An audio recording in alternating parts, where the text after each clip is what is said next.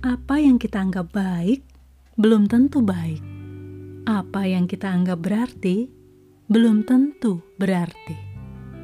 Apa yang kita genggam saat ini bisa saja terlepas kemudian.